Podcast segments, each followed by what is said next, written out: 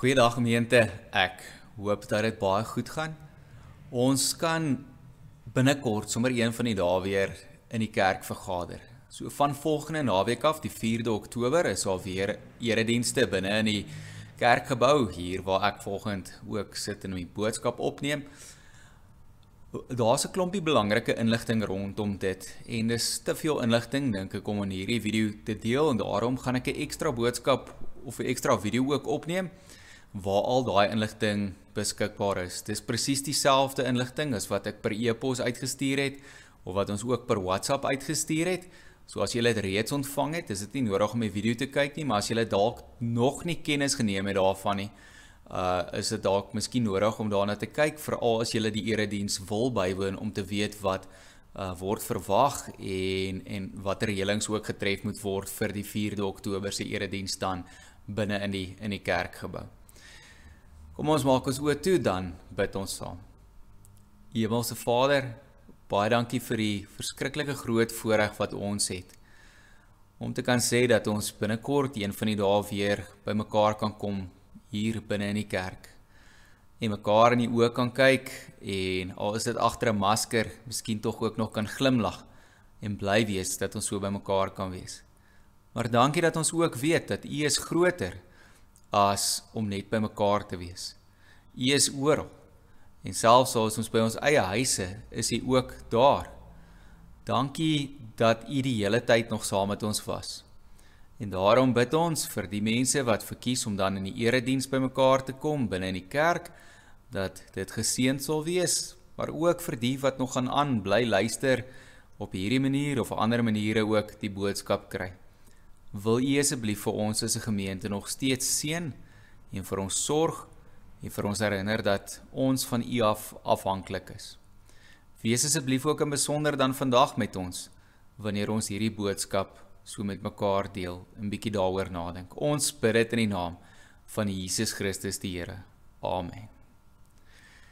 Nou ons gaan vandag kyk na Lukas 12 en ons gaan daarso lees vanaf vers 13 tot 21. En dit is 'n gelykenis wat Jesus dan kom vertel, 'n mooi gelykenis wat 'n mooi boodskap ook met ons kom deel. En daarso staan, kom ek lees dit vir ons saam. Daar staan iemand uit die menigte sê toe vir Jesus: "Meneer, sê vir my broer, hy moet die erfenis met my deel." Maar hy antwoord hom: "Man, Wie het my as regter, regter of deler van julle aangestel? Toe sê hy vir hulle: Pas op en wees op julle hoede vir elke vorm van gierigheid, want 'n mens se lewe is nie afhanklik van die oorvloed van sy besittings nie. Toe vertel Jesus vir hulle 'n gelykenis. 'n Ryk man se grond het goed gedra. Hy het toe by homself gedink: "Wat moet ek doen? Ek het die plek waar ek my oes kan opgaar nie. Toe besluit hy, dit sal ek doen. Ek sal my skure afbreek en groter bou. Daarin sal ek al my graan en my ander goed opgaar. Dan sal ek vir myself sê: Mens, jy het baie goed wat weggesit is vir baie jare. Hou op met werk. Eet en drink en leef lekker. Maar God het vir hom gesê: "Jou dwaas, vannag nog sal jou lewe van jou opgeëis word, en wie kry dan alles wat jy bymekaar gemaak het?" So gaan dit met hom wat vir homself skatte vergader en nie ryk is by God nie. So hierdie is miskien heel moontlik een van daardie kere wat iemand vir Jesus probeer vasvra het. Want Jesus was 'n rabbi gewees, hy het die wette, die reëls baie goed geken en En rondom erfporsies was daar 'n sekere klomp dinge wat moes gebeur. Wette sou mens eintlik dan kon sê. En daarom is hierdie broer sekerlik nie verkeerd as hy kom en hy sê, "Maar Here, Jesus, sê asseblief vir my broer dat hy moet die deel van my erfporsie met my deel, of hy moet die erfporsie met my deel."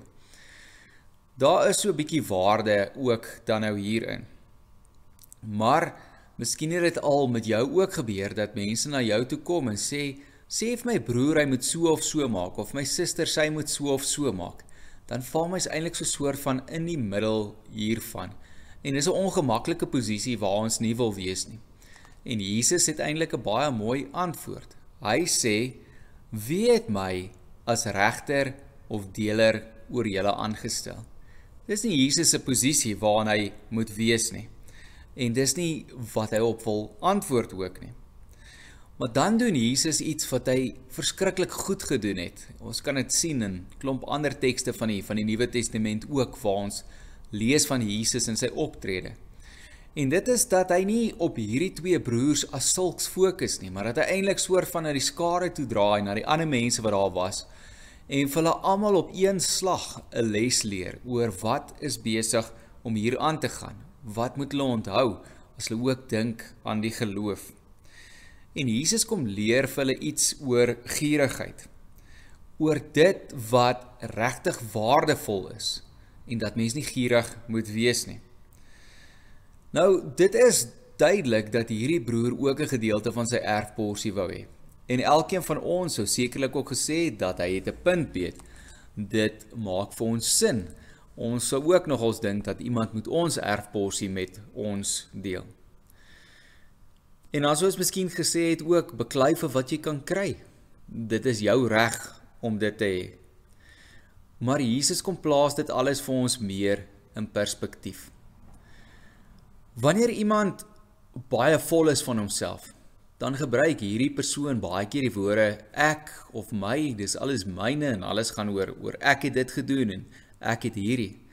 En as ons die gedeelte lees daar so van vers 16 tot 19, dan sien ons heel duidelik nogals hoe die woord ek talle kere na vore kom. Kom ek lees dit vir ons. Daar staan toe vertel hy vir hulle 'n gelykenis en dis in hierdie gelykenis van die woorde of die woord ek dan so baie deurkom. 'n Ryk man se grond het goed gedra. Hy het toe by homself gedink, wat moet ek doen? Ek sal my skure afbreek en groter bou. Daarin sal ek al my graan en my ander goed opgaar. Dan sal ek vir myself sê: Mens, jy het baie goed wat weggesit is vir baie jare. Hou op met werk, eet en drink en leef lekker. So hierdie man het by homself planne gemaak en gedink dit is wat hy kan doen.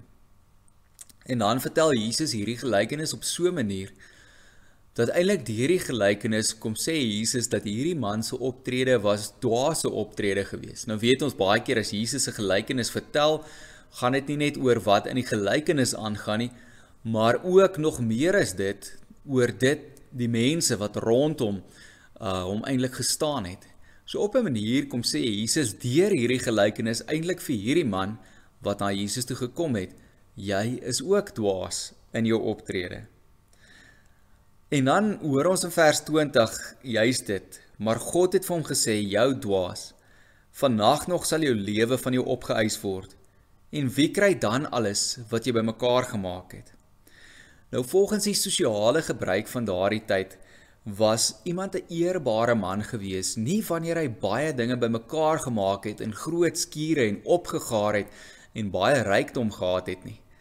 Maar hy was juis 'n eerbare persoon gewees wanneer hierdie persoon dit wat hy gehad het met ander mense gedeel het. As hy 'n goeie hart gehad het en dit nie net vir homself gehou het nie, as hy omgesien het na ander mense, dan het die mense in daai sosiale kringe gesê hierdie man is 'n eerbare man. Kan my sê 'n eerbare man voor God of 'n eerbare man in God se oë ook dan. Want hierdie man in die gelykenis wou sy lewe organiseer sonder God. Hy wou sy eie planne gemaak het. En nou moet hy ewe skielik hoor dat dit werk nie so nie. Ook dan die man wat aan Jesus die vraag gevra het. Mens kan nie sonder God planne maak nie. En daarom sluit die gelykenis af met die woord of die woorde dan so gaan dit met hom wat skatte vergader en nie ryk is by God as mens self skatte probeer vergader en mense eie planne probeer maak, staan mens maklike kans om rykdom in God se oë eintlik te mis. Dit wat regtig waar saak maak om skatte in die hemel dan liewerster bymekaar te maak. So ons moet liewerster ryk wees voor God en in God se oë. Mens moet jouself daarvoor inspann ook dan. En Jesus kom sê in hierdie gelykenis dat daar is dinge wat dan egter belangriker is as om besittings in die lewe te hê en om rykdom ook dan te hê. En ons sou vir ons self vir onsself die vraag kon vra: waarin lê ons sekuriteit van ons lewe? Lê dit in die besittings en die dinge wat ons probeer bymekaar maak of lê dit juis in die rykdom wat ons in God gevind het wat ook in die lewe hierna vir ons nog steeds daar sal wees? Maar as mens gierig is, soos wat ons hoor in hierdie gelykenis, dan maak jy jouself afhanklik van dit wat net hier op aarde te vind is. En dit is dwaas. Dit is juis wat ons veronderstel is om dan nie te doen nie. Maar God aan die ander kant is almagtig. En sy mag geld ook vir die toekomstige lewe na die lewe hier op aarde want ons weet dat elkeen wat in Jesus Christus glo, kan ook saam met God in die hemel leef. Nou ons wil dikwels so graag weet dat ons in beheer is van ons lewe. Dit is maar so, dit is menslik. Ons wil graag dikwels in beheer wees. En een van die maniere waarop ons graag in beheer wil wees, is om seker te maak dat ons besittings is veilig en dat ons genoeg het en al mooi genoeg gesorg is ook vir ons. Dat ons miskien genoeg spaarfondse iewers ter weggesit het of pensioen of wat dit ook al mag wees. Maar hierdie gelykenis kom herinner of ons daaraan dat ons maar net weer moet weet dat ons kan nooit 100% in beheer wees selfs van ons eie lewe nie. Die enigste een wat 100% in beheer kan wees is God self. Nou hoor dan mooi, dit sê nie dat ons mag nie spaar of wegsit nie of ons mag nie pensioen hê of of dink aan die toekoms nie. Natuurlik het God ook vir ons wysheid gegee. Dit sê nie dat ons nie mag beplan vir ons aftrede of vir ons gesin of familie nie. En dit sê nie dat jy nie iets mag koop en dit mag geniet met die geld waarvoor jy gewerk het nie. Maar dit beteken dat ons in die eerste plek aan God die eer moet gee vir alles wat hy vir ons gee, vir die manier waarop hy vir ons sorg, vir dit wat ons het, die werk wat ons het, en dat ons weet dat God is die een aan wie die eer moet toekom. En dan kan ons natuurlik vir onsself, ons familie spaar vir vir hulle sorg soos wat dit ook moet wees want dis ook die verantwoordelikheid wat God vir ons gegee het. Maar ons moet ook bereid wees om mense te help daar waar ons kan waar dit binne ons vermoë is. En as ons nie bereid is om dit te doen nie, raak mens maklik soos hierdie man binne in die gelykenis wat sê: "Ag man, Ek gaan my skure groter bou en ek gaan alles vir myself hou. En dan gaan ek op die einde van die dag ophou werk en ophou omgee want ek het vir myself gesorg. Dan kan ek eet en drink en die lewe geniet. En dan hoor ons in die gelykenis hoe vinnig dit kan verander en waarvoor het mens dan gewerk. So ons moet eintlik maar weer eens besef dat alles op aarde is tydelik en God sal vir ons sorg vir dit wat ons nodig het. Iemand skryf dat die kerngedagte binne in hierdie gelykenis is vers 15. En daar sal staan so in die tweede gedeelte, want 'n mens se lewe is nie afhanklik van die oorvloed van sy besittings nie. En dis iets waaraan ons ons maar keer op keer moet herinner dat ons lewens is nie afhanklik van die oorvloed oorvloed van ons besittings nie. God sal vir ons sorg. Of ons min het of ons baie het, ons moet altyd onthou waar kom dit vandaan en aan wie moet ons die eer gee ook daarvan. Ek weet nie of ek al hierdie gedeel het nie met julle, maar daar's 'n verskriklike mooi film wat my al diep geraak het en die film se naam is Accidental Friendship.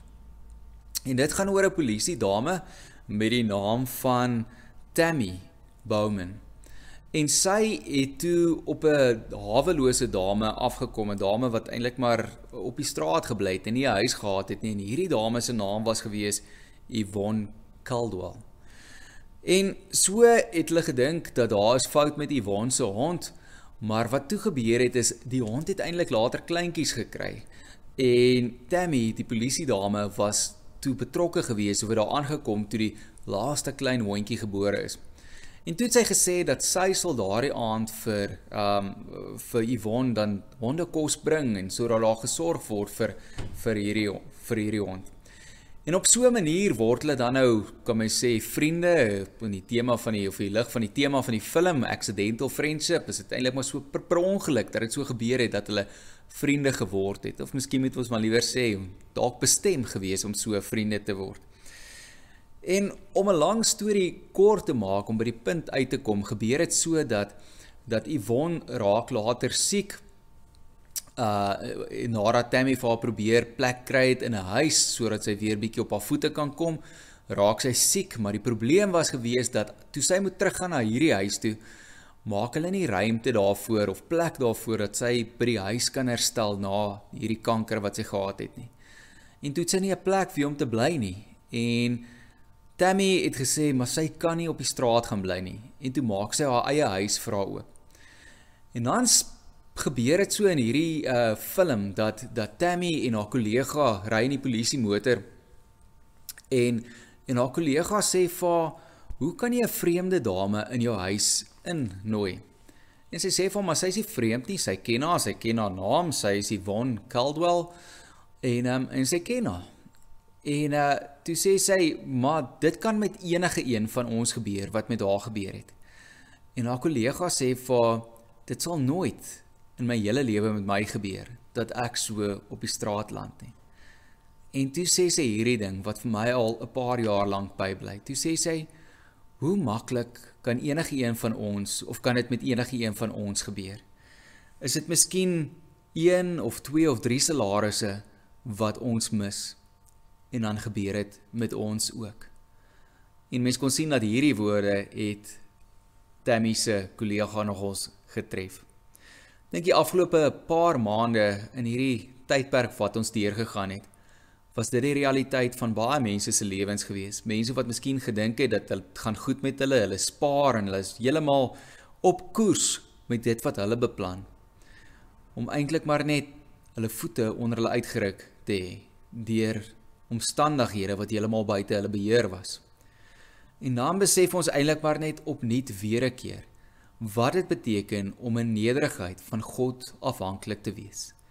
En dat die mense, die kinders van God wat sy wil soek en vra dat hy sal sorg, dat ons weet dat hy sal ook voorsien in sulke moeilike tye.